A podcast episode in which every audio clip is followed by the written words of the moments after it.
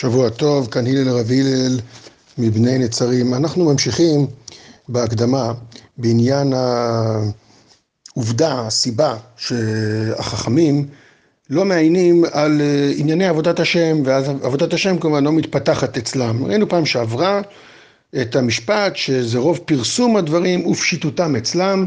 הסברנו שלא לומדים, וכיוון שלא לומדים, הציור האמוני המושגים לא מצטיירים בצורה נכונה, ואת זה אני רוצה להסביר יותר. אני חושב שהסברנו את זה פעם שעברה, נרחיב את זה עוד קצת, אה, מכיוון אחר קצת. הרב קוק בעין היה, בשבת ב' עמוד 109, מבחין, הגמרא שם מבחינה בין שלוש דרגות נותני צדקה.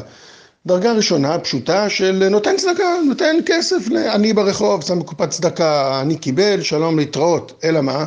אומר רש"י, אני בוש בדבר, כי זה לא נעים להיות נזקק.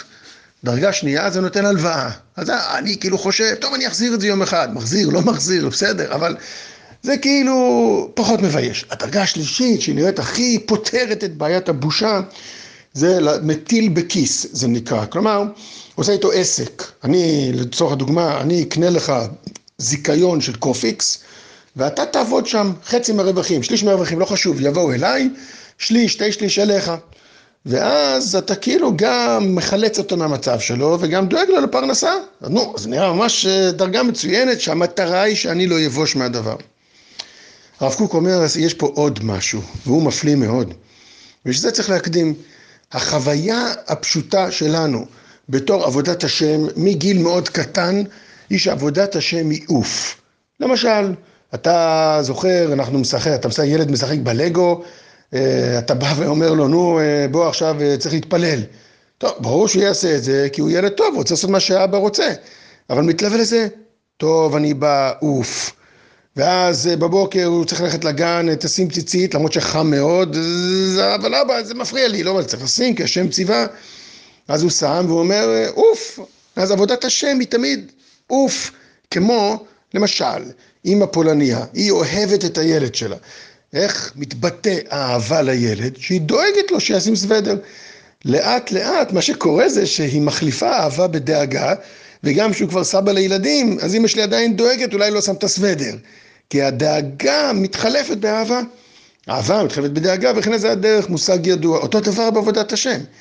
האישור שאתה חושב, שאתה מקבל, שאתה ירא שמיים, זה העוף שבדבר. אם אני נהנה כנראה שאני לא עובד השם. אם זה טעים, כנראה זה לא כשר, נכון? אומר, המסילת ישרים קורא לזה, טבילות קרח ושלג, שם בהמשך ההקדמה. הרוב הפשיטות והפרסום של הדברים גורם לחוסר עיון של האנשים החכמים בתוכן הלימודי העיוני, עד שנדמה להם שבעצם עבודת השם היא אה, טבילות קרח ושלג. איפה נדמה להם? מדויק בכתוב, בתוך המסילת ישרים כתוב ב... אה, עד, ש, עד שידמו, סליחה, כולם דברים אשר אין השכל נח בהם ואין הדעת שוקטה. כלומר, השכל והדעת אומרים, לא, זה לא רצון השם. זה לא, זה, זה, זה לא, זה לא מתאים לי, זה, זה גם לא מתיישב הלב, גם אני לא רוצה את זה.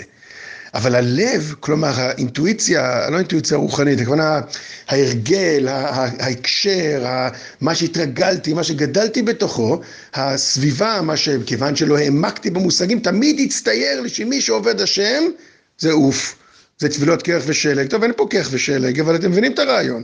זה תמיד הלסבול. תבדקו את עצמכם, תעשו תרגיל מחשבתי. מי, ה, מי הרציניים בקהילה, מי הרציניים במחזור שהיו, מי החבר'ה הרציניים בישיבה שאתה זוכר, ותמיד, תמיד, תמיד זה מצטייר לך אלה שמיעטו את החיים. עכשיו זה נכון שבדרכי למידה יש מקום, תורה מתשת כוחו של אדם, ממית עצמו בעולה של תורה, הכל נכון, אבל זה רק טקטיקה ולא מהות. וכשלא לומדים את זה ולא מבינים את הבעיה, אז נוצר שוב את הפער הזה שאני בשכל רוצה לעבוד את השם, אבל הציור הוא ציור של הלב, טבילות קרח ושלג, אז אני לא רוצה את זה. אומר הרב קוק שם בעינייה, אתה יודע למה מטיל בכיס יותר מכולם? למה לעשות עסק עם, ה... עם העני יותר טוב מאשר לתת לו כסף וכולי? כי אתה נהנה מהמצווה, אתה גזרת קופון על המצווה. לא רק שעשית מצווה ועשית איתו חסד, גם אתה הרווחת מזה, הייתם מאמינים? גם עשיתי צדקה, גם עזרתי לעני, וגם לא הפסדתי. גם קיבלתי מזה כסף, גזרתי מזה קופון, זה מזעזע את מי ששומע. כאילו, להרוויח כסף ממצווה? לא, לא מרוויחים כסף ממצווה, זה לא, זה לא דתי, זה לא ירא שמיים. לא, אתה טועה.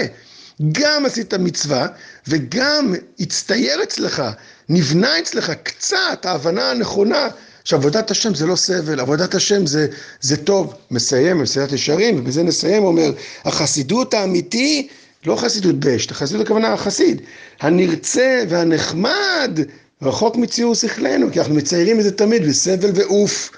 שיהיה לנו שבוע טוב וכל טוב.